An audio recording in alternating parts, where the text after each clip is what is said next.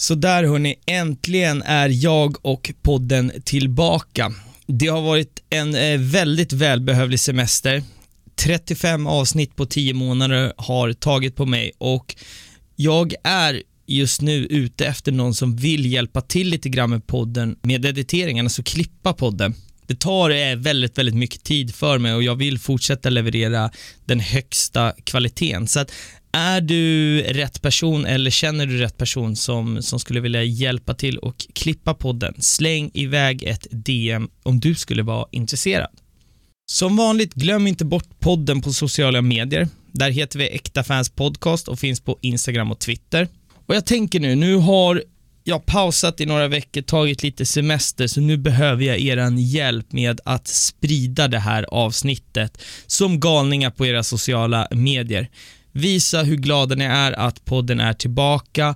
Ja, som sagt, sprid det på alla era sociala medier så att vi kan få in lite nya lyssnare och få lite bass runt podden igen.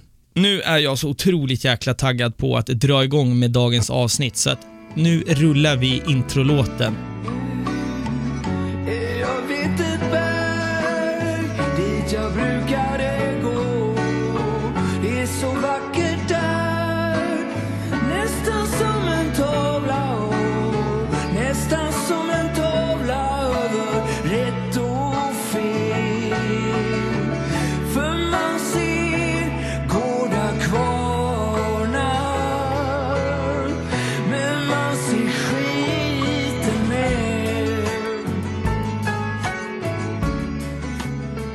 Göteborg är en stad full av stora och klassiska lag. Jag är uppväxt med fyra lag i Allsvenskan från staden, men på senare år har både Örgryte och dagens lag Gais halkat i seriesystemet. Idag ska vi prata om hur en så stor och klassisk klubb med förutsättningar för stordåd inte fått till det och hur åren i Superettan har drabbat läktarna. Vi pratar i dagens avsnitt om hybrisen som aldrig lämnat klubben när spelet svikit. Vi pratar om hur fördomarna haglar när man som ung tjej har ett brinnande intresse för sin klubb och hur man tacklar dem.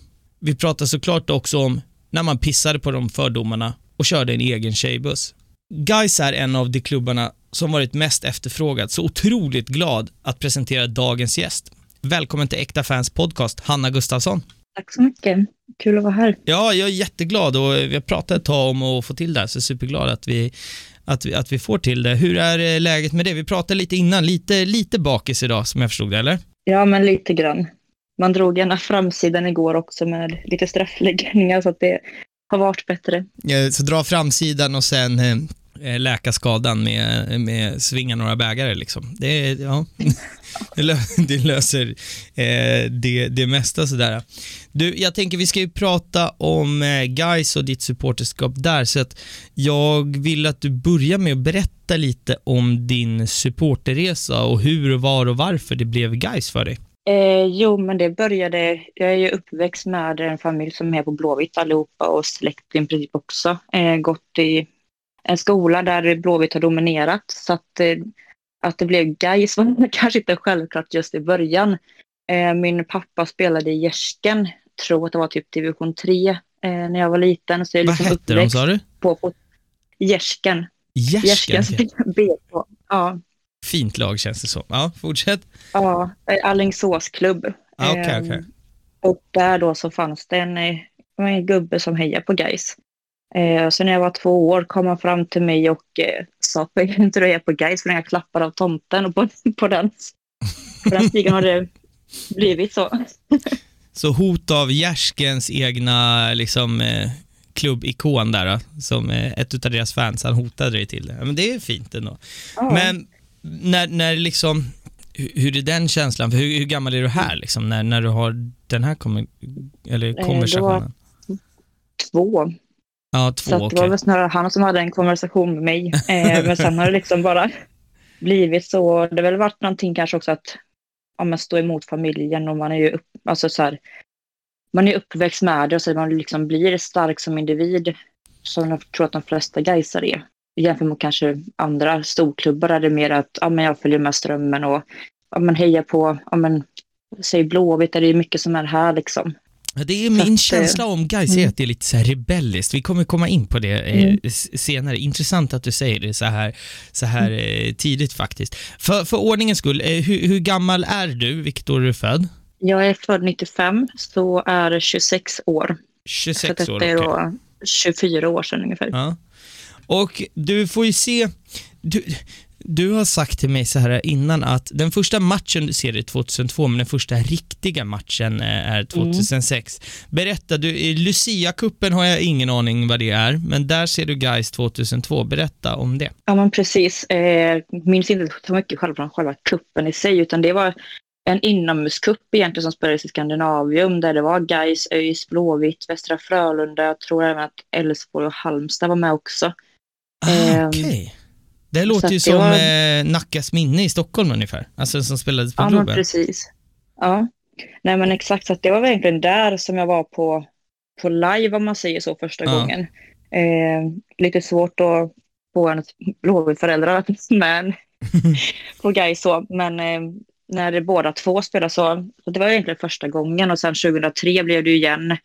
Eh, och 2003 så ställde även Gais upp då med, i Nattabollen eh, som är en inomhuscup också. Fast som spelades i Alingsås. Eh, där var det mer lokala lag, så där var ju inte de här storklubbarna med. Så det var ju Nej. ett, grabb, ja, men ett gäng. Det var Patrik Elmander bland annat som är från Alingsås. Så att, jag tror Mm. att det har lite med det att göra också, att, eh, att de skulle vara med där. Ja, men intressant. Så du börjar egentligen, du, du hittar guys på inomhusplaner helt enkelt. Det är Ja. udda, men eh, sen, sen har du ju, eh, eh, du har ju sagt på riktigt så blir det ju 2006 eh, derby. Då antar jag att eh, då ville familjen gå för att de var blåvita och ni gick tillsammans men ni hejade på olika lag, eller? Ja, men precis. Mm. Eh, då var jag ju 11 år, så de ville väl inte släppa iväg mig själv då heller, kan jag tänka mig. Nej. Eh, så att, eh, det var ju första året som vi spelade allsvenskan när vi gått upp. Så då blev det ja, men båda matcherna i derbyt och även de nästkommande åren också. Eh, fram till så 2009. Ja, 2008 gick jag väl med kompisar då, men då satt vi ner vill jag minnas. Mm. Men det var liksom där som första, riktiga- men det första riktiga utomhusmatchen var. Men hur har det varit, eh, det, alltså, den eviga frågan, eh, jag är ju stockholmare, jag har aldrig riktigt fattat arenasituationen i Göteborg. Jag vet att Mm. Häcken spelar väl, vad heter det, Rambergsvallen från början, jag vet inte om de har bytt nu. Ja, men sålt namn. precis. Eh, nu är det ju Bravida Arena. Ja, men den är ute på hissingen ju. Ja, Eh, och IFK och Guys, jag vet inte om Örgryte också, alltså, ja, spelar, spelar alla på Ullevi. ja, precis. På Gamla Ullevi. Och gamla Ullevi är den som tar typ 16 000. Ja, precis Ja. någonstans där. Ja, det är inte Eh, den här är- jättegigantiska rackaren. Nej men precis, Gamla Mm. Ullevi står ju där Gamla Ullevi stod förut. Jag tror att, typ öst, jag tror att det kan vara östra läktaren sånt där som är på samma eller något sånt där. Mm. Eh, så att den lilla Ullevi om man säger så är ju Gamla Ullevi och stora är ju nya då. För det känns som inte ens göteborgarna, många har inte ens koll på det här själva för det är så rörigt med, med, med, med namnen. Men 2009, då, då köper du, då, det är första året som du kör eh, årskort i alla fall och då är det ståplats, är jag Mm. rätt på det då? Ja, precis, stämmer. Ja. Hur var första gången för dig att kliva in på, på ståplats? Och är, är det då i, under säsongen 2009 som du gör det eller hur, hur var den känslan? Kommer du ihåg liksom första gången du fick Alltså, jag minns ståplats? inte riktigt exakt så. Jag tror man var ganska nervös. Jag gick med då två tjejkompisar Mm. eh, som jag lärde känna året innan egentligen. Eh, från första början. Och så gick vi in. Jag tror vi, som sagt, vi var nog rätt nervösa. Ingen hade gjort det innan. Vi har varit på guys innan och sånt där på sittplats med föräldrar och sånt där. Mm. Men man var ju taggad såklart. Sen är jag sån som lever med känslorna på utsidan så att man visar ju kanske man är övertaggad över, alltså för tydligt typ. Mm. Men eh, nej, nervös men eh, som sagt väldigt taggad. Man känner att äntligen och så ska det börja om på nytt liksom och ny arena och sen vinst. Så att det, ja, det var... Det går ju fort mäktigt. från det här nervositeten till att man bara, fan jag ska Mm. aldrig göra någonting annat i hela mitt liv. Nej. Alltså det kan gå på en timme. Eh, verkligen. Och det, jag, jag återkommer ofta till den frågan för att jag, jag tycker att det är intressant, alltså en intressant aspekt vad som, vad som händer med en Mm. människa. Så många, eh, liksom, när jag var liten och gick på fotboll så var det så många föräldrar som var så här, hur fan kan du ta med din son? Eller till mina föräldrar Mm. som tyckte det var konstigt att vi gick på fotboll. Men det finns ju få saker som är så vackert och där man känner sig så trygg och mår så bra som en, på en läktare tillsammans med likasinnade. Liksom. Det är en fantastisk känsla. Ja, men Mm. det är helt otroligt. Ja, verkligen. Du åker på någon bortamatch. Nu ska vi se om jag är rätt på det med år. 2007 ser du guys på bortaplan för första gången, stämmer det? Ja, men precis. Då tog min pappa med mig. eh, Han vägrade ju som sagt köra i Göteborg så det blev ju inga hemmamatcher där. Nej. Eh, men till Borås eh, så tog han mig då på Elfsborg borta eh, 2007. Då hade Eh, han liksom gett upp det inte- här äh, att du skulle börja heja på Blåvitt. Jag gissar på att han försökte under många år.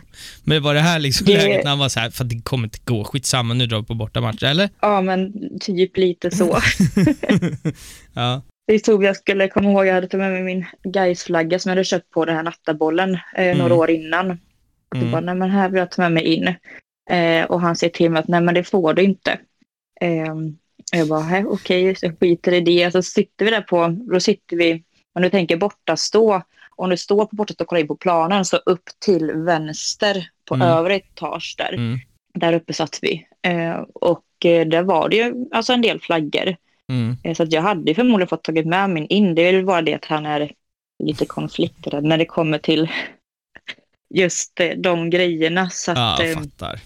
den, den fick stanna kvar i bilen. Ja, hur var den Fick den. känslan att få vara liksom på, vad ska man säga, fiendemark eh, och, Mm. och, och vara liksom för det verkar ju som, alltså, så som jag, bilden jag får är ju att eh, hela ditt supportskap i grunden, alltså vart det kommer ifrån, Mm. eh, och som eh, går som en röd tråd, tråd genom hela Gais är just det här rebelliska. Hur var det att vara på bortaplan och få vara lite rebell och heja på, inte på hemmalaget och sådär. Hur kommer du ihåg den känslan? Jag, jag kommer ihåg att jag tyckte det var skitcoolt. Alltså jätte, man, blir så här, man blir stolt att bära upp sina färger. Mm. Eh, och det blir man ju än idag, fast man kanske inte går runt med matchtröja nu som man gjorde ja, men när man var 13, 12, Mm, 13 mm. år. Liksom. Mm. Eh, men man har ju fortfarande en känsla med sig att här kommer jag i grönsvart och man testar stå i vägen ungefär. Mm. Mm. Eh, och sen så kommer jag att göra mål efter så här typ tre, fyra, fem minuter. Och man var ju överlycklig och ställde sig upp och man skulle vet, håna de andra i Ja, ja. ansiktet. Sen fick man ju äta upp det senare under matchen, men Ni torskade typ med 5-1 eller något, säger hon inte det? japp.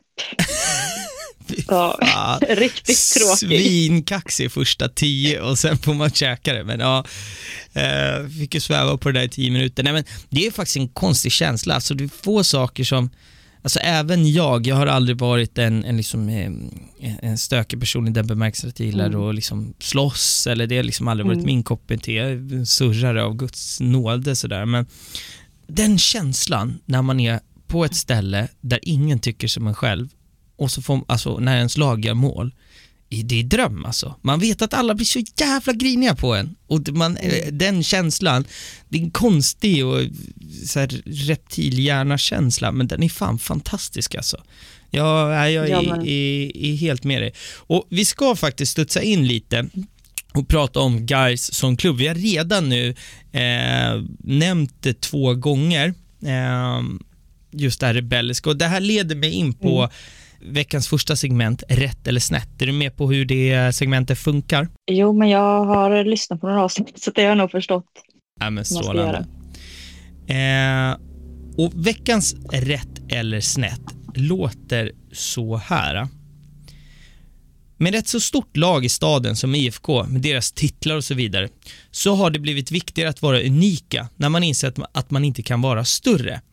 Annorlunda musik, annorlunda kläder med mera. Stilen och känslan runt klubben blev viktigare, för där kunde man vara bäst och unikast. Rätt eller snett? Nej, men jag skulle nog säga att det är eh, rätt. Alltså, man ser ju ganska tydligt på, även fast det finns de som är kanske normalklädda om man säger så, så finns det ju väldigt många som sticker ut. Eh, man ser ju oftast på en skara där det är, om man ser att det är kanske 50 blåvittar och så är det 20 geiser eller 10 geiser så ser man oftast att vilka som är geisare för att de sticker ut på något sätt.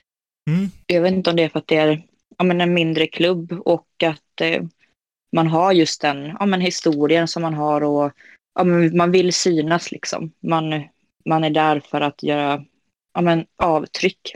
Mm. Nej, för att min, min känsla runt guys är så här, som sagt, jag är inte uppväxt i staden och jag har aldrig liksom behövt diskutera IFK eller guys i skolan. Men Mm. min känsla när man ser så här, sociala medier och när man har stött på supporter genom åren att IFK Göteborg är ju Alltså ingen sågning till men de, är- det, det är en stor klubb, de är main, alltså mer mainstream, där guys vill vara hela tiden annorlunda. Går man in på en Gaisare överlag, generellt på typ eh, Twitter, säger vi. Det är oftast en profilbild med kläder som inte kanske är det absolut vanligaste, eller man gillar lite annorlunda musik, just för att man vill vara så här Fan vi är inte som alla andra, vi är guys. Det har alltid varit min känsla runt guys. Så intressant att du, du håller med, för då har, finns det någonstans någon substans i den tanken. Liksom. Ja, nej men verkligen. Jag håller med till 100 procent på den. Alltså det, det märks så tydligt också när man väl hänger med dem. Och som sagt, jag har ju alltså massa vänner som är på Blåvitt också såklart. Mm, mm, Men det är ju en sorts anda. Man har ju också den här alltså självdistansen. Man kan sitta och skoja på sin egen bekostnad. Alltså, jag vet inte om vi, men typ 2012 till exempel när vi blev tvärsist i allsvenskan och gjorde historiska, alltså historiskt låga poäng liksom. mm, Eh, och man ändå står där sista matchen mot Örebro borta och sjunger liksom Let's pretend we scored a goal och Mm. jublar och alla andra på läktaren bara står och tittar och undrar vad fasen det är för folk som är där. Fy Alltså fan just- vad äkta att köra just den ramsan. Det är ju bland de finaste ramsorna som finns i, i den här världen. Ja, den är underbar. En utav få Och, men- bra saker som brittisk supporterkultur har enligt min då åsikt. Det här är alla olika, men den är ju fantastisk, den, den ramsan. Verkligen. Be, be, berätta väl- vad, be, Mm. vi kan ju ta det. Jag, jag sätter ju den, den referensen direkt. Berätta för, för någon Mm. som all, inte har någon aning om vad vi pratar om. Vad, vad är den ramsan om vi bara håller oss där? Nej, men alltså det är ju, ja, men som, som jag sa innan, alltså man skojar på sin egen bekostnad. Alltså du, du är jättedålig, ungefär så. Mm. Eh, skulle jag säga i alla fall. Eh, sen har väl alla sin kanske egen tolkning, men det är någonting man drar för att man är less på skiten eh, och man vill försöka få upp stämningen lite kanske, men även skicka sågning till sig själva liksom, Mm. skulle jag nog säga. Och så sjunger man Let's pretend, let's pretend, let's pretend we scored a goal typ. Och Mm, sen ja, precis. Och när sen den ramsan tar slut, då kör man ett måljubel fast man typ ligger under med 4-0. Det är så jävla roligt. Ja, Eh, fantastiskt. jag tro, tror Ja. att vi enligt papper förlorar med typ 4-1, men på läktaren vann vi nog med 5-4 om jag inte minns fel. ja, nej men eh, en avstickare, men vi var ju inne på någonting här, just det här med, eh, men med, med självdistansen. Fortsätt på, på resonemanget där. Då. Ja, nej, men det är som sagt, alltså, vi är ju så vana att det går åt helsike hela tiden. Eh, under min livstid, tänkte jag säga, men under mitt, alltså min, mina år på läktaren liksom, så har vi haft en bra säsong. Och det var ju 2011 och därefter har ju allt varit misär. Mm. Och på något sätt så har man då byggt till sig det här att nej, men vi, vi skojar på, vårt egen, alltså på vår egen bekostnad. Möter man, alltså man möter ju sällan blåvita som sitter och snackar om att eh, ja, nej, men, som vi snackade om det nu i helgen efter vi torskade igen. Att ja, men vi vann ju mot Malmö i kuppen, vi är bättre än hela allsvenskan. Mm. Eh, och just sådana här och sitter och skrattar och sitter och själva hånar guys fast på ett skämsamt sätt liksom. Mm. Att man är ja, men dels trött på skiten men fortfarande eh, ja, men vill ha någonting där liksom. Mm. Eh, och jag, av de som jag känner i alla fall har inte jag hört eh, blåvittare kanske till exempel och det blir ju min närmsta referens så. Men eh, Mm. Mm. typ att, att köra på samma sätt. Sen finns det säkert inre ledare också som gör samma sak, men inte utåt som jag har sett i alla fall. Och grundläggande i supporterskap handlar ju inte om att fira vinster, utan supporterskap är Nej. någonting så jäkla mycket större än det och det blir väl så till slut när Exakt. man inte har fått skörda vinster eller sportslig framgång. Mm. Alltså, fan, vad ska man göra? Ska man eh, alltså, sluta bry sig eller ska man... Fan, vi älskar ju trots allt den här klubben, vi älskar vår gemenskap. Vi, vi gör det bästa av situationen och så kul som möjligt på vägen. Det är väl eh, rimligt. Exakt.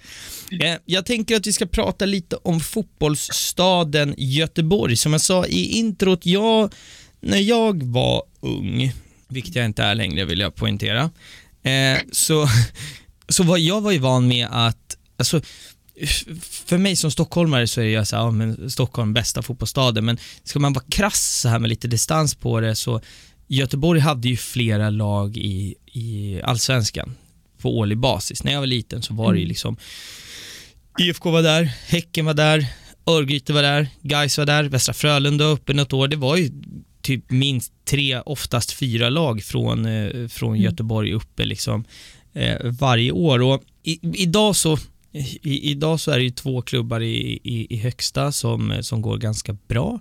Och sen har vi i Superettan Guys i Örgryte där också va? Men Frölunda Ja, är inte där va? Stämmer. Nej, Nej, det stämmer. De, de är nere, ja. Nej men jag tänkte vi ska prata liksom så här ge- geografin runt, eh, runt Göteborg. Är det så att, alltså jag har varit i Göteborg men så bra på geografin där är jag inte.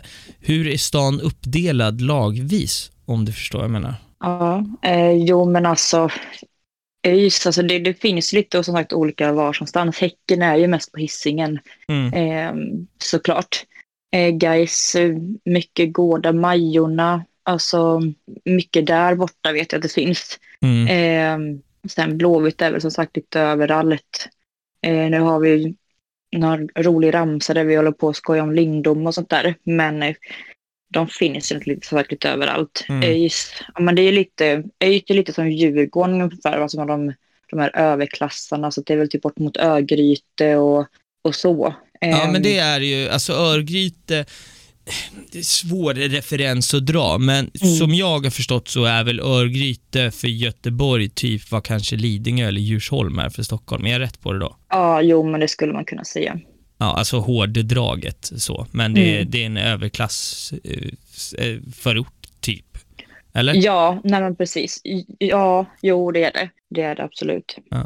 Men är, är Väldigt det, fint område så sett. Ja, och, och det, det är så egentligen. Sen fattar jag självklart, det är inte så att du inte får heja på Mm. guys om du bor i Örgryte eller, eller tvärtom så att säga. Men, men det, det, det är generellt så som, som du skulle beskriva liksom uppdelningen i stan. Eller? Ja, jo men det är det väl. Mm. Till en grund i alla fall. Alltså det finns ju inga hundraprocentiga här, men jag vill bara, Nej. jag vill bara förstå lite grann sådär. Men om vi ska hoppa in liksom på supporterkulturen ru- runt klubben, hur, hur skulle du Mm. beskriva dem med, med, om du målar breda penseldrag liksom, hur skulle du beskriva supporterkulturen runt guys? Men väldigt engagerad. Alltså, det är så är det ju bland andra såklart. Men alltså, det har man fått höra hela tiden. Och att guys där, där står du kvar även fast det går dåligt. Och jag menar, vi står ju där. Alltså, det är ju samma gubbar som står där hela tiden. Eh, Mm. Så jag skulle säga att han är väldigt engagerad och tar allting på största allvar när det kommer just till supporterkulturen överlag. Sen Mm. är det ju väldigt blandat vad för olika sorters människor det är och sånt där. Och det är ju också härligt. Mm. Men eh, i stora drag så ser jag supporterkulturen just runt guys är väldigt engagerad och eh, ja, men älskar klubben. Alltså det säger man som sagt om alla lag också såklart. Men det blir ju, det blir ju så. Eh, Min, Lite- min bild av, av, av guys är Mm. att den är väldigt ultras-inspirerad. Alltså att den Mm. kulturen är väldigt så inrotad i egentligen runt hela läktaren. Är jag, är rätt på det då? Jo, men det skulle man väl kunna säga. Eh, de flesta som är på läktaren vill ju och tycker om samma saker, förutom vissa då såklart. Men, och det är ju just den här levande läktarkulturen med, ja, med bränningar och rök och allt sånt där. Eh, sen finns det de som inte tycker om sånt också. Eh, men eh, i helhet så känner jag, eller tycker jag att det är de flesta tycker om Mm. samma saker. Eh, Mm. så. Ja, vi, vi kommer komma in lite, lite på det också, men jag vet inte. Alltså jag har gått på, på, på fotboll nu i, uh, vad fan blir det blir min 22 säsong nu. Och jag har på något sätt, jag kan inte riktigt sätta fingret på varför, men jag har alltid sett guys lite som mentaliteten människorna är, om man jämför med Stockholmsfotbollen som jag har närmast, så är det finns nog mycket eh, röda trådar mot AIK. Alltså jag har sett att det verkar Mm. vara lite samma eh, mentalitet på, på, på folk och jag vet inte, jag har alltid känt någon slags, inte samhörighet är fel ord, men att det är lite så här lika sinnat på något Mm. konstigt sätt. Men konkurrenserna sådär, alltså det, det är guys för Återigen, jag brukar förklara det här för att jag har ju väldigt blandat med folk. Alla som är i, eh, ja men, i, jag vet inte om man kan säga våran ålder, du är några år yngre än mig, men om vi säger våran Mm. ålder och äldre, då vet man ju att Gais är en superklassisk klubb, det är ett bra läktar, eh, läktarlag och så vidare. För de yngre som lyssnar nu, så alltså är du, vad fan kan det vara, är, är man yngre tonår eller sådär, då tror inte jag man fattar vad, hur, hur stort Gais är. Alltså hur, hur ser konkurrenserna ut? Jag fattar ju att IFK Göteborg är ju den största antagonist såklart, men, men generellt sådär i, i både i stan och ut i, i, i Sverige, hur, hur, vilka är era Mm. största konkurrenter sådär? Oj, eh, ja, alltså jag har aldrig riktigt tänkt på, på något sånt.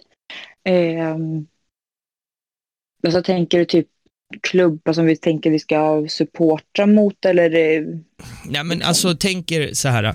nu har ni lirat superetta många och jag fattar när det är derby mot Göteborg, kuppen Mm. eller om ni spelar i samma serie, det är klart det är, Mm. då är det jävlar är det derby. Och jag kan Mm. tänka mig att det är eh, lite samma mot eller Häcken vet jag inte, för att när jag pratar med IFK Göteborg så säger de så här, vi, vi bryr oss inte så mycket om Häcken, jag vet inte hur ni ställer det där. Samma kan jag tänka mig Örgryte i samma serie, det är ju ert årliga derby sådär. Mm. Men någon match man säger så nu jävlar ska vi möta de här, hatar de här jävlarna. Alltså att det blir lite hetare matcher. Förstår du då jag menar? Ja, eh, jo men vanligtvis när vi spelar i samma serie sådana som en Helsingborg hatar vi ju. Ja. Utan tvekan. Mm. Eh, så där är väl en sån match. Också en klubb som bara berör jävligt många. Alltså inte, det är en Ja. stor klubb men som har halkat lite i seriesystemet. Men också en klubb som, fan alla har en åsikt om Helsingborg, bara berör många, li, liknande Mm. som Gais ju. Jo, men verkligen. Sen har vi alltid haft en grej. En grej. Men eh, vi hade ju till exempel Landskrona i kvalet upp Mm. för många år sedan och därefter så har det också blivit en klubb som man har lite konkurrens mot så. Mm. Eh, men alltså det är inte alls samma känslor de som jag personligen hatar mest om man får Nej, säga jag så. Jag, jag förstår. Så är det ju liksom Helsingborg, ja, Djurgården, eh, Blåvitt självklart och ÖIS också Mm. såklart. Mm. Så det är väl typ de som jag känner mest. Men en grej, om, om vi vänder på det här. då. Mm. Jag, eh, jag pratade lite med min far innan inspelningen här idag. Och grejen med guys, jag, jag ringde honom så frågade jag så här. Pappa, du har gått på fotboll liksom dubbelt så lång tid, typ som jag har gjort. Varför hatar alla guys? Alltså för att alla, typ alla klubbar som man någonsin har hört har en egen hata guys ramsa Vi har ingen liksom så här, hatar några, alltså det finns ju hatramsor mot klubbar, men ta med helvete alla klubbar har en hata guys ramsa Alltså vad kommer det ifrån? För jag har aldrig riktigt greppat så här, varför, alltså tar man AIK, IFK Göteborg, om man tar det som ett exempel, så här, eh, historiska antagonister, de två största städerna och eh, de har varit sportsliga konkurrenter eh, under många år. Gais har inte varit det, men det är fortfarande, så fort man möter Gais, nu jävlar hatar de här. Alltså, vi, kommer det ifrån? Ja, eh, och, eh, delar du bilden? Eh, för det första, och i sånt fall, vad, vad tror du det kommer ifrån? Ja, gud, jag håller med dig helt hundra. Alltså, man hör ju liksom alltså, lag i allsvenskan köra hata guys nu och vi har liksom inte mött varandra på ja, nästan tio år. Ja men den kan ju dyka upp så här på någon bortamatch eller någonstans i våra led också. Känn hata guys ramsa Ja. när vi ska möta Kalmar typ. Alltså det är så här, varför? Det är, liksom, men det är väldigt orimligt. Alltså varför tror jag att det handlar mycket om ja, men, hur det var förr. Mm. Eh, ja, men, snackar vi kanske eh, 80-90-tal och sånt där också. Mm. Eh, så jag tror att mycket byggdes upp, ja, byggdes upp för många, många år sedan. Eh, sen har det liksom blivit en klubb också, tror att det är för att vi sticker ut lite om man jämför mot kanske till exempel Blåvitt. Då. Mm. Eh, men att vi går vår egen väg på ett annat sätt, vilket gör att vi kanske ja, men hörs och syns på ett annat sätt än vad mer mainstream-klubbar gör och eh, bygger upp något sorts därifrån.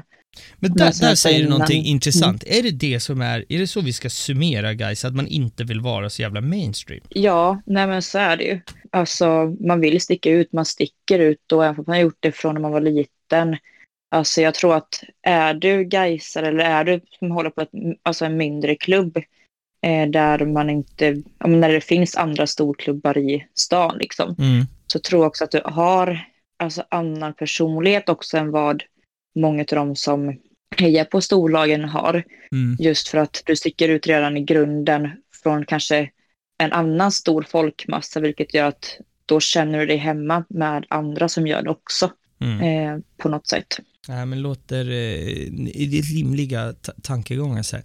Du nämnde någonting eh, inför, jag tror att återigen när, när jag sa att jag på något sätt så känner jag att så här, eh, Gais och AIK är, har, har sina likheter. Du, du skrev det själv och du ska få utveckla begreppet, men du skrev Gais hybrisen. Mm. Om det är någonting som min kära klubb AIK är kända för i, i, den här, i det här landet så är det den orimliga hybrisen. Man vinner en match och tror att man är Champions League-mästare typ.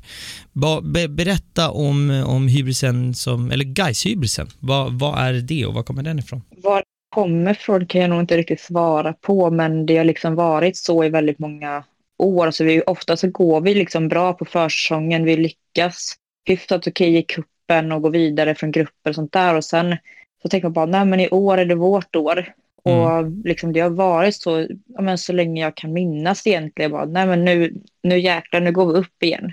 Mm. Nu har vi gjort det här och så går vi och vinner våra fyra första matcher i Superettan. Bara vi serieleder bara, nej men det kan gå vägen och nu sitter vi här liksom med ja, men typ åtta förluster på de nio senaste, det var det för någonting. och Mm. mår pissen och så är det väl liksom varje år. Så fort serien drar igång, men då är vi tillbaka i verkligheten. Men inför varje säsong så har vi fortfarande haft det här att nej men fasen vi, vi tar det nu. Det är vår tur. Mm. Och sen när man vinner och man kanske har spelat en bra match och sådär, bara, ah, nej men gött nu är det på upptåg igen. Eh, och så kommer nästa käftsmäll matchen efter. Orimlig liksom- optimism typ. Ja, men verkligen. Man vill så gärna tro samtidigt som man är så, vad ska man säga, man är så ja, men nere samtidigt. Alltså Mm. man är realistisk samtidigt som man vill tro på det liksom. Ja, men det är väl för Eh. fan vad supporterskap handlar om, eller det kanske jag säger eftersom jag, jag kommer också Ja. från en klubb med den här orimliga hybrisen, att så här, men fan, det är det supporterskap handlar om, optimism, drömmen om att, eh, att någon gång få, få, lyckas och få, få uppleva framgång, det är väl det det, det Mm. handlar om. Alltså det är väl ändå grundbultarna Ja. i supporterskap. Jo men verkligen. Det, som sagt, i och med att man är inne i det så kanske man säger det så på grund av det. Men eh, det är någonting vi snackar om inför varje säsong. Nej men nu är Gais hybrisen tillbaka men vi kommer få se nu kommer käftsmällen komma sen när premiären kommer i Superettan. Mm. Mm. Eh, så liksom, det, ja, det har varit så. Det har varit så länge. när jag tänker på guys, som sagt, jag är uppväxt i alltså, tidigt 00 var, var jag aktiv när, när guys fortfarande liksom eh, ja men det var ju ett allsvenskt lag då och, och eh, eh, jag har ju flera matcher liksom AIK gick för guld 2006, vi skulle bara åka till Göteborg och spela eller liksom spöa ett halvkast guys 0-0 där, vilket resulterade i att vi inte plockade guldet. Alltså det, det, det finns ju sådana, men sådana händelser som, som jag tänker på när jag tänker på guys. Men jag har en händelse som är det första, min liksom top of mind när jag tänker på guys. Det här är lite innan din tid, jag vet inte om du kommer kunna svara på det. Jag tänker att vi ändå ska bolla upp det. 2005 så är det superettan, AIK är på besök i på, då tror jag inte att det var Ullevi, det var en liten jävla arena. Kan det ha varit Rambergsvallen som guys spelade på då? Eh, vad vet jag. Eh, Men- Kan ha varit Valhalla, ja det tror inte jag skulle komma möta Valhalla kanske mot AIK. Ja, Men eh, den det- finns också, i så fall är det nog Rambergsvallen. ja, jag tror fan att det var det innan de byggde om den, den här gamla Rambergsvallen, Mm. där till och med jag har lirat liksom.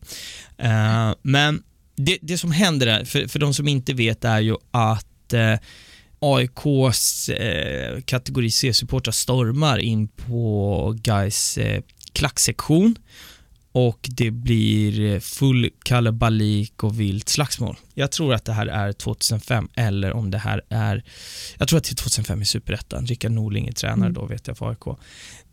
Svår fråga att svara på, det förstår jag. Men jag antar att det händer någonting liksom med ens, ens läktare, ens självbild när ett annat lag kommer in på hemmaplan och eh, tar sig sådana friheter. Du var ju Mm. väldigt ung, du var tio år gammal här. Men du har säkert suttit och lyssnat på människor som är äldre än dig som har suttit och reagerat. Vad händer med en klubb då, liksom efter en sån händelse? Eller är det en svår Nej, fråga som är för svår att svara Nej, på? men det? Nej men den är väl svår men jag tänker också att det händer, alltså på något sätt så är man ju på sin egen hemmaborg, man är där för att försvara, alltså, ja, men dels sin klubb men också sin läktare såklart.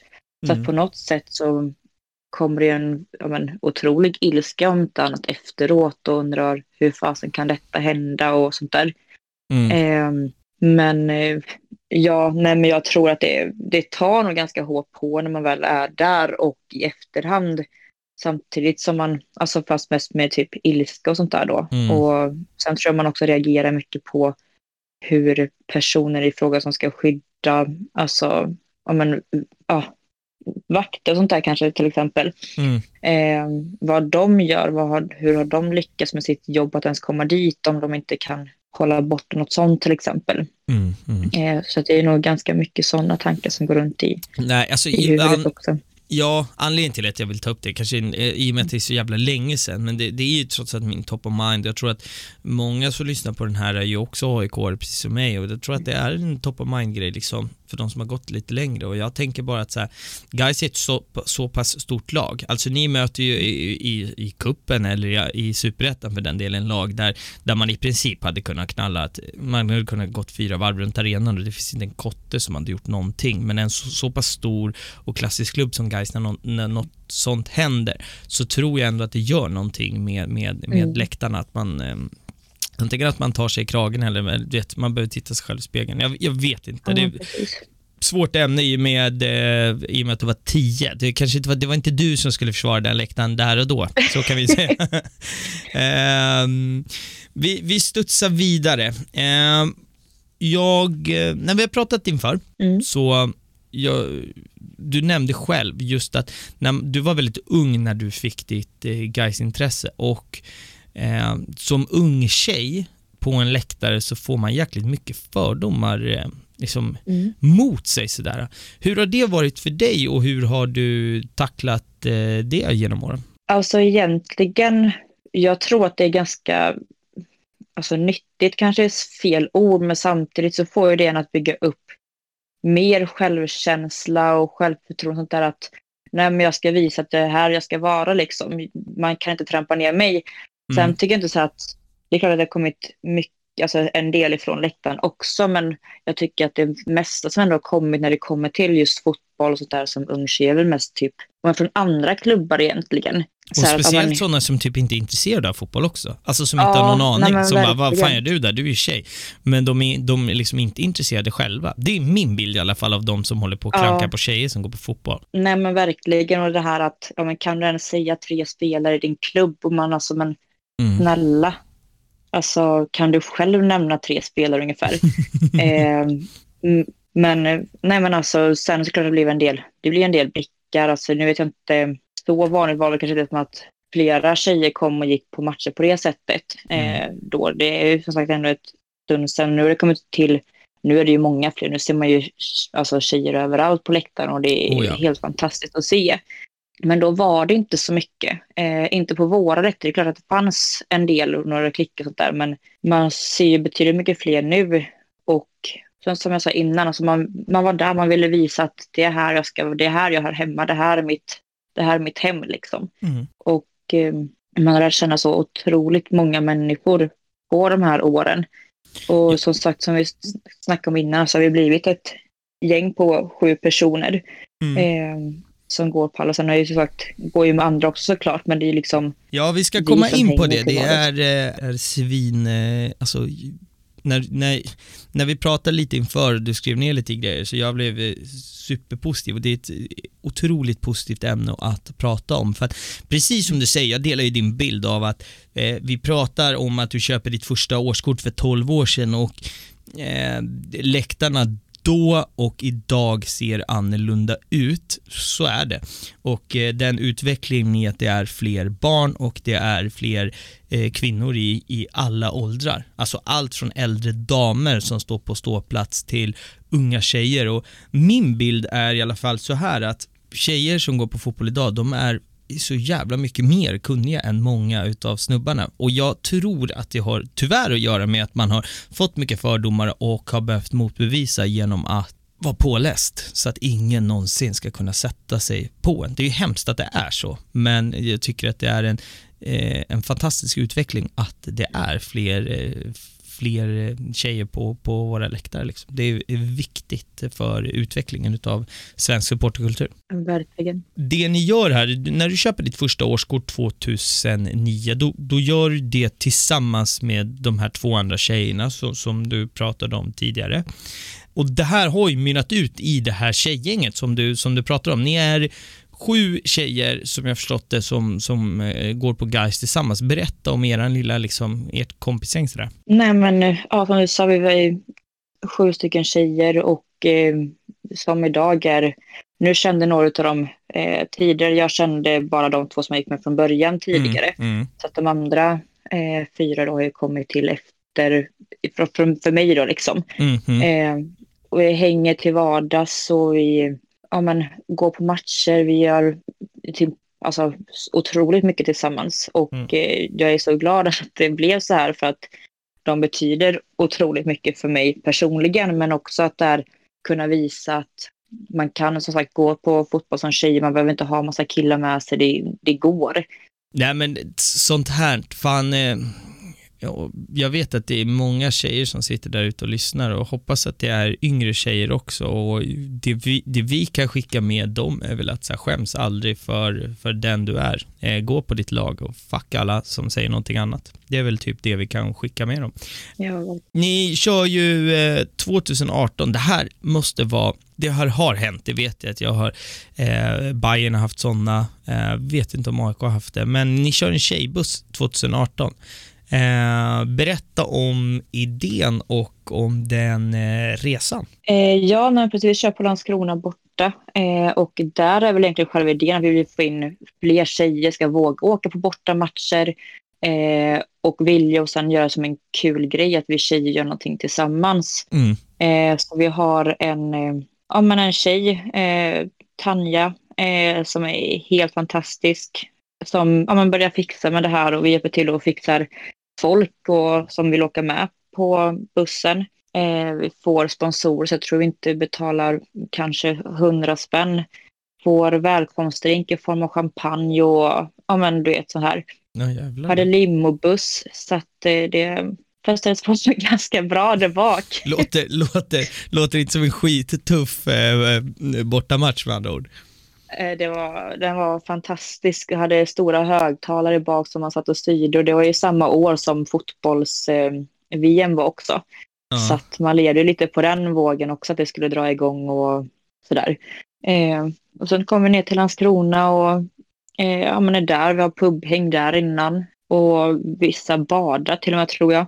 Sen så hade vi som tur, alltså hade tur med vädret också. Det var ju helt otroligt varmt. Eh, personligen fick jag solsting dessutom så det var bara att lägga sig på gräsmattan bakom läktaren en stund. Men eh, det, var, det är nog en av de bästa eh, bussresorna vi har haft. Alltså, klart att alla är roliga på sitt sätt, men det här är, sticker ut på något sätt. Ja, Eh, och ett fantastiskt initiativ om inte annat. Och kul att göra någonting Verkligen. annat för att eh, alltså, oavsett lite vars man åker, alltså oavsett om, som jag, om jag åker uppåt i landet, neråt, alltså vart man än åker så är en bortaresa eh, lite samma, lika, det är lite olika surr, lite olika Mm. personer, men just den här att ha en annorlunda buss, eh, annorlunda eh, liksom, crowd, med fördrinkar och bad, och, äh, det låter helt jävla fantastiskt. alltså, ja, den är man avis på, att åka på bortamatch och få bada och få fördrink och skåla i champagne på bortamatch. Det är nog inte många som har gjort, så kan vi ju kort sagt säga det. Du har ju också eh, 2011 så kör du en, eh, en perfect season. Du ser allt som guys eh, spelar. Var det något som du, liksom så här, gick du in 2011 och så här, i år är det en perfect season eller bara blev det så? Nej, alltså det blev bara så egentligen. Jag gjorde min första borta arrangerande bortamatch eh, 2011. Ja. Eh, alltså i, ja, med en bortabuss liksom. Då var det ju Mm. Halmstad som vi mötte i premiären och jag tyckte det var otroligt roligt. Sen blir det man, man blir taggad på att göra mer och mer och det bara blev så. Eh, på ett sätt. Sen var väl den längsta bortamatchen vi hade väl Gävle så att och visst det tar väl några timmar ifrån Göteborg men Mm. det kunde ju fortfarande varit värre så sett. Och sen så hade man som sagt, man hade så otroligt kul och man lärde känna så mycket människor. Människor som man liksom umgås med på, innan efter matcher än idag liksom. Ehm, så jag tror att det gjorde väldigt mycket också. Man träffade så mycket nytt och man ville lära känna ännu fler och man ville vara där ehm, med den här gemenskapen liksom. Jag slänger ut till er som lyssnar. Jag, jag slänger iväg en gissning här att jag tror att du kan vara den yngsta i Sverige som har gjort en perfect season. Du var alltså 16 år gammal här. Du måste ha börjat den här säsongen som 15-åring om du inte fyller år jävligt tidigt. Det Ja. tror jag inte många andra har gjort. Jag tror att du, yngsta tjejen definitivt, det tror jag. Yngsta överhuvudtaget, ja definitivt. Jag, tror, jag har aldrig hört talas om någon som har gjort en perfect season 15-16 år gammal. Jag har hört folk som har gjort det när de är dubbelt så gamla.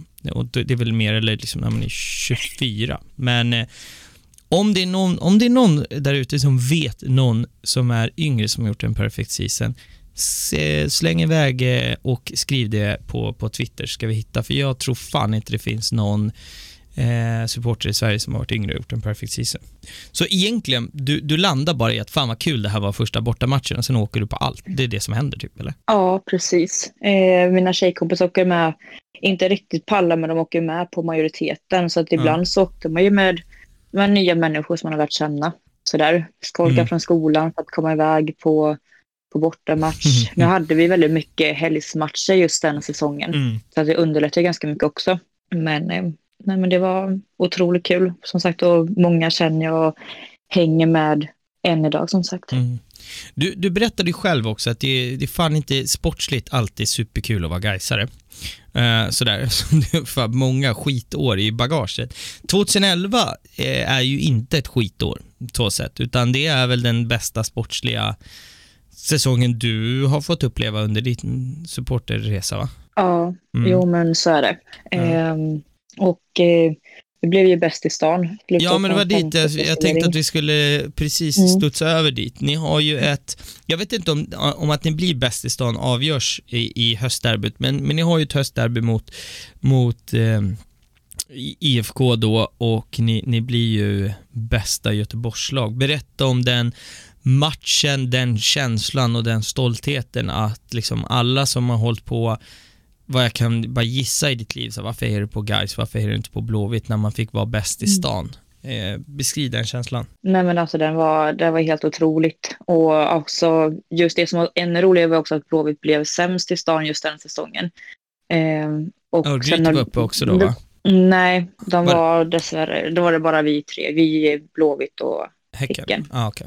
Alltså man levde som på moln. Alltså det liksom var som att segern aldrig tog slut nästan kändes det som. Alltså jag vet inte hur riktigt jag ska förklara det så men allting, blev, alltså, allting gick bara så lätt.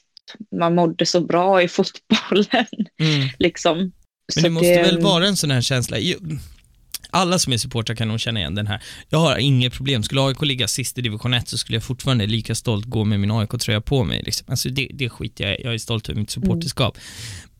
Men alla supportrar, oavsett om man vill erkänna det eller inte, hamnar ju i ett skede efter en specifik match eller när det går på ett specifikt sätt där man går med samma tröja och helt plötsligt så man liksom vill nästan gå, alltså man vill att alla ska se den och det, så måste det ha varit då. Att man tog på sig en gais tröja fast, okej det kanske inte är läge idag men nu jävlar jag ska in till stan, jag vill bara gå genom hela fucking Avenyn med min gais tröja och visa alla att vi är bäst. Alltså, får man en sån känsla?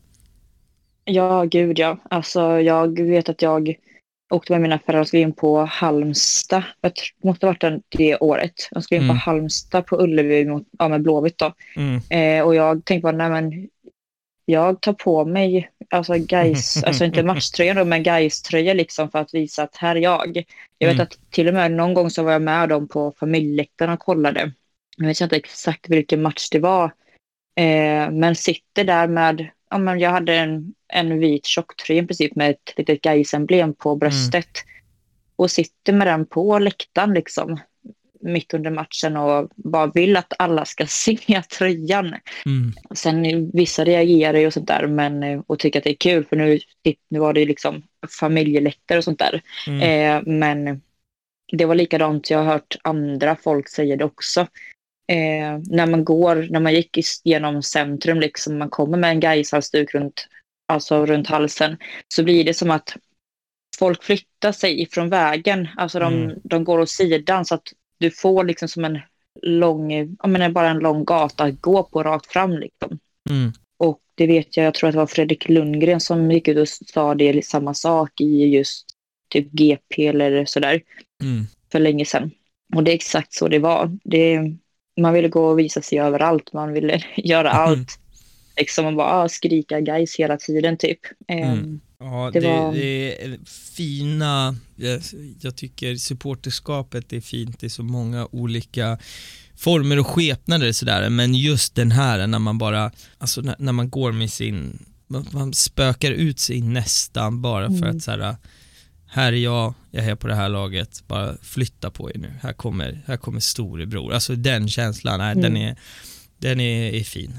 Den är man verkligen. uppväxt med, jag är uppväxt med den i Stockholm.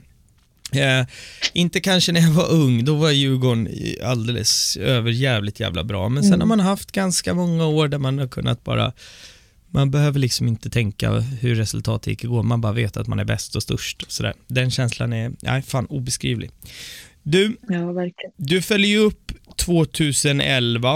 Eh, två, du har insett att fan vad kul det här var. 2012 så missar du ju endast två matcher, så du fortsätter ju att vara svinaktiv i väldigt ung ålder här. Berätta om 2012. Ja, alltså ja, det var så mycket då just det året. Ehm, dels så går guys åt skogen och sen hade jag väldigt ja, men, tungt dödsfall på personligt nivå liksom. Okej. Eh, så att det var liksom väldigt mycket just 2012. Eh, men sen, det, liksom, det är där jag finner min, min tröst på något, på något sätt. Liksom. Mm. Jag kan gå ut och, om man går ut och skrika och gapa och få ut ja, men min sorg och aggression. Liksom.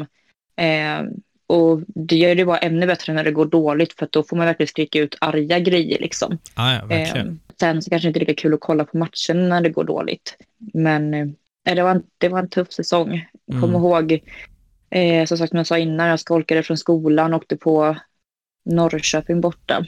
Eh, sådär kul, torska med 7-2. Jan Mark stod vid rodret då, så vi åkte upp till Gaisgården direkt efter och skulle avsätta honom, men så släpper de av honom borta i Borås, så att eh, han kom ju inte ändå. Nej. Eh, dagen efter var han avsatt. Och än idag drar vi liksom så här skojhistorier om Jan Mark. Eh, för att han var så fruktansvärt dålig. Mm. Ja, det finns ju såna, några sådana stjärnor i alla klubbar som bara för evigt kommer dras i smutsen för Mm. deras prestationer. Intressant också det du säger det här med att få skrika ut sina aggressioner. Alltså jag har tänkt på det många gånger. Förstår du hur många människor som egentligen hade suttit i fängelse om de inte fått en dag i veckan fått skrika ut alla deras inre aggressioner. Bara så här villkorslöst bara få skrika i en vecka och få ur sig allt som man går och bär Mm. på typ. Jag har tänkt på det med mig själv också. Jag har aldrig varit så här stökig eller våldsam eller, eller någonting sånt. Jag har ju liksom så här, jag tänkte att min personlighet så hade det nog inte varit konstigt om jag hade blivit så. Men å andra sidan så har jag alltid reflekterat över så här, en gång i veckan, sen jag var typ åtta år gammal i princip då, så har man fått stått skrika exakt allt man har. Och bara, om, om man tycker domaren är kass eller man är lack, skrik att alla är liksom alla fula ord du kan. Och sen är det ute, Mm. sen kan man bara valsa runt på mål resten av veckan. Jag tror att det har räddat väldigt många människor från att, för de där aggressionerna måste ut. Och får man inte ut dem där så kanske många hade gått och sopat på någon eller gjort något annat dumt liksom. Sådär. Eh, vi ska, vi ska studsa in på eh, veckans away days. Vi har ett gäng matcher här. Någon tror jag till och med är vi, vi tar med, det är två derby, jag vet inte om de är hemma eller, eller borta, men vi säger väl att det är away days plus eh, alltså matcher vi minns typ, eller något Mm. sånt där. Eh, jag, vi ska börja på det här året då, där det går så bra, som vi har pratat en hel del om, 2011. Eh, då ska ni upp till eh, Råsunda och möta AIK. Ni kör ett tåg med tusen pers. Berätta om den Mm. matchen. Eh, matchen i sig var väl inte så där jättekul. Jag vill minnas att vi torskade med 2-0. Eh, men själva resan i sig, vi har chartrat tåg, eh, sånt här gammalt tåg, inte sånt där Mm. Supersnabbt liksom. Nej. Så det tog ju sina, sin tid. Eh, men skitkul och man lärde känna andra folk där och menar, alltså, det kände att det tog aldrig slut. Det var liksom, det var folken i rallyt. Mm. Eh, sen minns jag vi skulle gå, ja, men marschera genom Solna.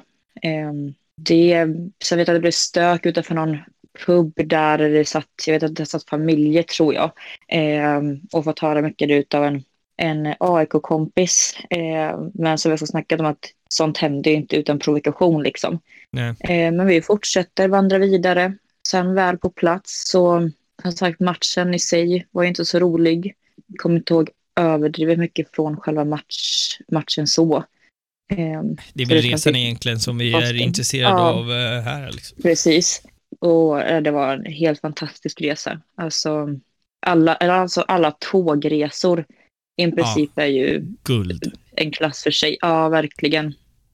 Eh, Alltså alla som inte har varit på en tågresa, man kan ju beskriva det så här att känslan är att man har ju sin vibe i sin, i sin vagn så att säga. Och man sitter ju ofta så här med de som känner varandra. Och det sjukaste med att åka tåg är ju att du kan, du är inne, det är som att åka buss, men skillnaden är att du kan bara gå till nästa vagn. Och där inne är det en helt annan vibe. Det är lite annan musik, lite andra människor. Du vet, man kan gå in, vi säger att man har en vanlig buss med, sitt kompisar, så går du in i nästa, där sitter alla ultras till exempel, helt annan stämning. Så går du en vagn till, där sitter det bara pen, pensionärer typ. Alltså det, det är som att gå in i olika bussar i, för varje tågvagn. Det är fantastiskt häftig och, och känsla. Och någonting som, har man inte åkt på en tågresa så kan vi väl bara gemensamt att få det chansen, åk för fan alltså. Ja, gud ja. Alltså, det finns få saker som slår en bortamatch när man åker tåg. Mm. Det är en fantastisk känsla och alltså, så himla roligt. Det är liksom så här, åker du på många bortabussar? Ja, visst, det är skitkul. Älskar det. Men det är egentligen inte mycket emot just de här bortatågen, för de är en klass för sig. Och sen ska man ju också tillägga att när det väl blir tåg så är det ju oftast, man bokar inte tåg när det är liksom 60 gubbar som vill ta sig till en bortamatch, utan det är ju för en stor match där det är många människor som vill åka, vilket gör att det blir en jävla uppslutning också. Alltså så när man har Ja, bokat men eget exakt. tåg också, så är det ju. Ehm, Du har också nämnt Peking borta 2012, den var du ju inne lite, lite på här tidigare, men ber- berätta om, Ja, om den.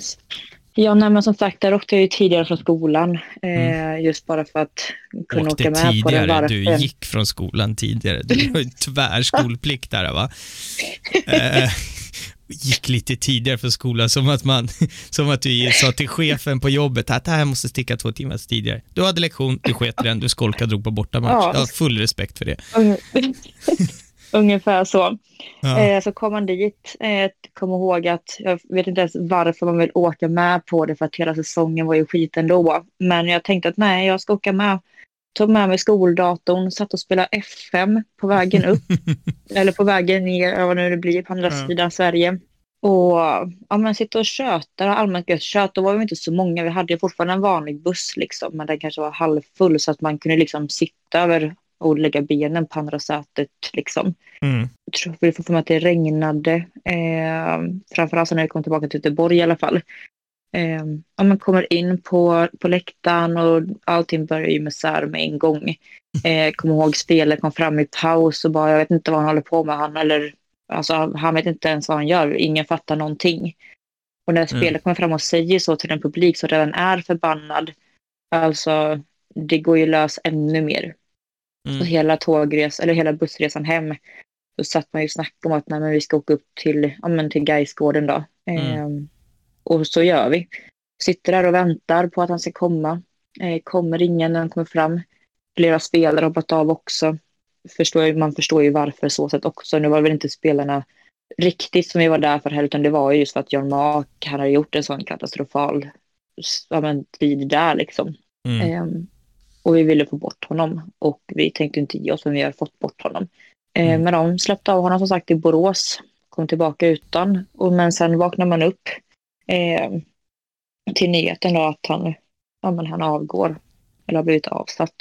Mm. Ehm, och alla var väl egentligen överlyckliga för det var det enda man ville. Och det här är alltså, för, de, för den som inte vet, det är han tränare då. Ja, precis. Ja, ja. Efter ett så bra 2011 och det går så käpprätt åt helvete 2012 så äh, är det väl i ett efterhand ett, ett, ett klokt beslut också. Ja, nej men verkligen. Du har också nämnt eh, vårderbyt 2018. Jag vet inte om det är på bortaplan Ja. eller hemma, men då behöver vi inte lämna Göteborg oavsett. Så det är därav Nej. vet man inte om det går in under away days, men vi tar den här i alla fall. Men det är hemmaderbyt mot ÖIS då. Mm. Eh, vår derby som sagt. Eh, men vi, som alltid derby, man är taggad som satan. Och det själva, jag menar alltså man satt ju som sagt på stallet och det är John Scott Stables som det heter. Eh, Ja men och drack som vanligt innan. Marscherar bort. Och eh, själva matchen i sig, det där är liksom mest matchen i sig som man minns allra tydligast. Mm. Eh, för att vi ligger under med 1-4 med typ två minuter kvar till full tid. Och jag säger till min kompis här innan jag ska gå, jag bara, så jag går nu när det har fem minuter kvar. Hon bara, nej det gör du inte. Jag tar tag i mitt huvud, bara du stannar kvar. Jag bara, jag stannar väl kvar då. Sen i 88 eller sånt där så kommer 2-4. Eh, och så tror jag att det var typ åtta tilläggsminuter och sånt där, men det, det slutar 4-4. Och jag är evigt tacksam för henne att jag stannade kvar på den matchen. Mm. Eh, för jäklar vilken fest det blev efteråt. Vi Alltså, kan se om vi kan få upp, jag kan tänka mig att det var bra tryck på, på era läktare då. Mm. Gud ja. Eh, karnevalstämning. Ska se om vi kanske kan få upp, jag, jag gillar, jag föredrar ju att lägga upp eh, bilder och rörligt på läktarna, men här Mm. kanske det är läge att eh, lägga upp på Akta Fans podcast på Instagram och Twitter en liten, alla målen från den här matchen kanske det är läge för. Ja, det är sjukt. Det, är få matcher när man känner att, eh, även fast det bara blir en pinne, så, så har det ju, era led har ju vunnit och egentligen, alltså det är den känslan man har, speciellt när man är så, så nedräknade så att säga.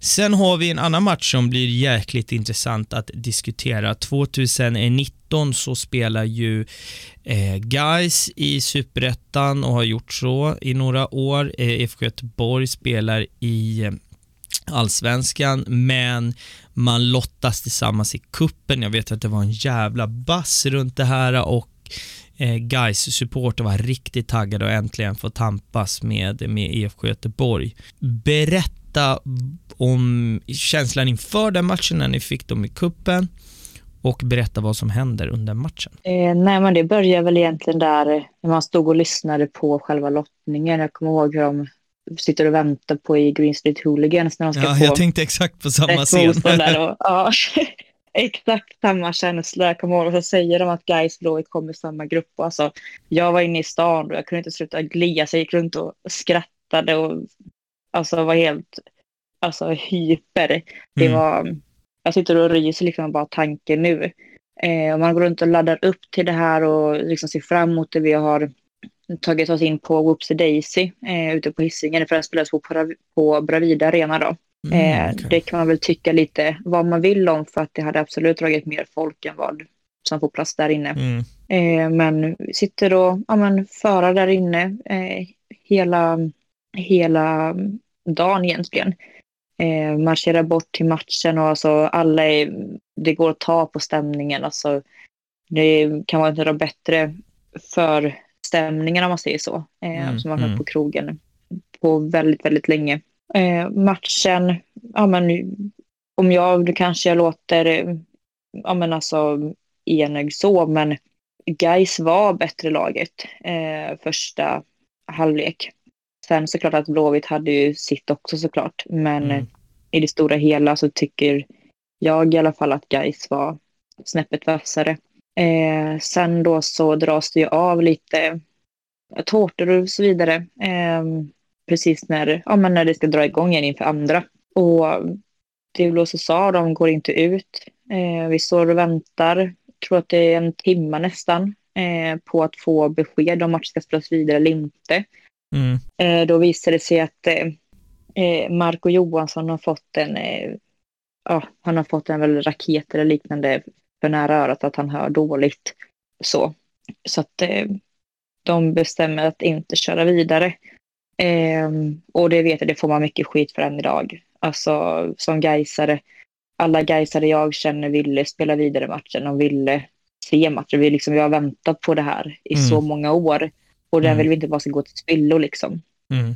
Eh, men det slutar med att matchen inte spelas och eh, vi får en skrivbordsseger eh, på 3-0. Så Mm. att vi tar oss vidare då i kuppen. Det var ju Igen. extremt jävla taggat. Alltså i, Mm. tilläggas här, precis som du säger, att det inte bara, alltså det är inte så att det bränns från, från en sida, utan det är ju svintaggat från båda. IFK var ju också riktigt taggade på att få möta eh, Gais liksom. Så att, eh, ja, det var en, en hetsig stämning och och eh, ja, diskuterades, eh, diskuterades mycket och många gånger, alltså ingen gillar skrivbordssegrar, men många gånger så när man liksom får eh, bilden av, av supporterna så tycker många, alltså de supporterna som får skrivbordssegern så att säga, eh, tycker många gånger att så, ja, ah, men det var rimligt. Men här var ju det unika var att det var fan ingen inom Ingen gillade utgången utav det så att säga. Det blev bara sura miner eh, egentligen. Det är så, min bild utav det i alla fall. Nej, jag håller med. Eh, Sen efter det så blev det ju på nästa matcher och sånt där efter då de började dra in pyrohundar så att eh, ja, för att man inte skulle få in. Just det, det var en jävla häxjakt på Mm. era, era supportrar va? Verkligen, det blev Mm. eh, riktigt mycket. Ja, nej, en, eh, en, eh, en udda match som rörde upp jävligt mycket känslor kort sagt. Eh, sen har vi en sista, vilket är Trelleborg borta 2019 och fina Vångavallen. Berätta om den. Ja, men ytterligare en fantastisk tågresa. Eh, Jag fyllde år dagen innan och det är borta premiären. Mm. Eh, så att eh, man var taggad redan på det. Och sen så, nu minns jag inte exakt hur många vi var som åkte ner. Men då hade vi också chartrat ett tåg då. Åker ner, vi, ja men dels så firar man att det är premiär, man firar lite att varannan kompis som också fyller år samma dag. Eh, man firar lite det. Eh, och sådär. Och sitter och tjötar gött. Sen har de Mm. en vagn, barvagnen då, där de har ja, men dansgolv och grejer. Jag tror att Jonas Lundén stod utan tröja eh, för detta Gais-spelare då. Eh, stod utan tröja och dansade och serverade drinkar och ja, det var, det var helt magiskt. Sen så kom vi ner dit, går väl till arenan, kom, jag kommer ihåg en konstig grej, men det så gick det massa lösa alltså, höns mitt i centrum. Någon jättekonstig grej. Fan vad bonnigt du, när man när det går höns på gatan i centrum. Det är fan bonnigt du. Ja, och sen så, ja men matchen blev kryss. Eh, var väl inte så jättemycket där. Jag vill få fram att man gick därifrån ganska besviken eh, när man kommer tillbaka. Men tågresan hem blev ju lika fantastisk som det var ner. Alltså jättebra uppstyrt och alla var, ja, men alla var nöjda och glada och som sagt som vi sa tidigare, alltså har ni chansen att åka på en borta tåg, gör det för att det är det bästa du kommer kunna göra i ditt liv typ. Eh, Mm. Ja, bästa det som finns, alltså hur roligt som helst. Ja, verkligen. Fan, eh, gör det bara. Fundera inte. Låna pengar av polarna om du är pank. Alltså det, det är Mm. ett minne du fan alltid kommer ha med dig. Eh, Verkligen. vi har haft ett fantastiskt samtal, du och jag. Jag är eh, återigen, som jag sa i början, jag är extremt glad att vi har eh, fått till det här. Vi börjar närma oss sluttampen. Jag har egentligen undrar, är det någonting som du känner liksom som vi inte får glömma när vi pratar guys eller någon minne eller någonting som har poppat upp här under samtalets gång? Nej, alltså egentligen inte så. Det enda som jag vill säga som sagt egentligen som jag sagt tidigare också att är du tjej och inte vet om du vågar gå, gå. Alltså ta med dig en kompis, gör det bara.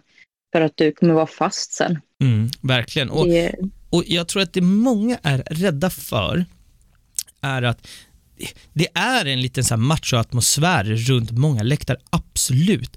Men det som man blir det jag tror många som, som tvekar på att gå på match och som tänker så här, men hur välkomnad ska jag bli eller vad ska folk tycka och tänka? Jag tror många hade blivit jävligt förvånade att se hur öppna armar man blir mottagen med. Alltså så. Gud, ja. Eh, jag tror att många tror att det är en jävligt så här, en stängd, en läktare är en stängd plats, men alla har börjat någonstans och om, om jag ser mig själv, jag hade, alltså, min pappa var ordförande i Black Army hela 00-talet, tror jag hade något alternativ eller liksom. Jag, jag är uppväxt med det här, jag är Mm. indoktrinerad om det är ordet jag söker, till att här, vi går på Gnaget här. Mm, och det har sin grej, men jag har så jävla mad respekt för, för liksom folk som, som ser ett intresse och testar och vågar när de är äldre, oavsett om det är kill eller tjej, och som säger fan det här verkar intressant, jag går dit och hittar sitt supporterskap senare. Jag har också otrolig respekt för det. Det spelar ingen roll om du har gått på liksom 700 matcher eller om du har gått på sju. Vad fan, vi är här för samma anledning och vi är här på samma lag. Det är väl det som är det viktigaste. Så att jag håller helt med dig att eh, våga gå. Du kommer fan aldrig ångra dig. Så enkelt är det. Men då har jag bara poddens sista fråga kvar till dig. Eh, och det är som vanligt, vad är supporterkultur för dig? Nej, men det är den här gemenskapen och engagemanget, att ha någonting om att bry sig om och alltså få visa sin styrka mot någonting annat eh, och göra det tillsammans. Eh, det är en livslång kärlek sen och även vänskaper som kommer finnas med så länge. Så det är väl det eh, viktigaste. Man kan väl säga som slutord att går du, får du uppleva supporterskap så kommer du aldrig att ångra dig. Eh, det är väl eh, slutorden. Du, fan, jag är eh, extremt tacksam över de dryga eh, 70 minuterna vi har fått tillsammans. Det har varit superintressant att få prata lite guys med dig, så får vi hoppas att jag önskar i alla fall och min bild av guys är att det är en, i alla fall i framtiden, en klubb som hör hemma i allsvenskan och jag längtar tills att ni är eh, där. Och eh, för er som lyssnar, nu är vi tillbaka, nu jävla ska det gnuggas in här under hösten. Jag har lite andra idéer också. Jag funderar på att köra en en livepodd. Det börjar närma sig ett år sedan vi släppte första avsnittet så att det är mycket idéer. Så att återigen ni som har lyssnat, se till och fan lägg upp det på story, retweeta på Twitter. Vi får en jävla bass runt det här avsnittet eh, så att vi får igång lite engagemanget eh, runt podden här igen. Och så hörs vi igen nästa måndag. Ha en trevlig vecka på er nu hörni. Ta hand om er. Tja!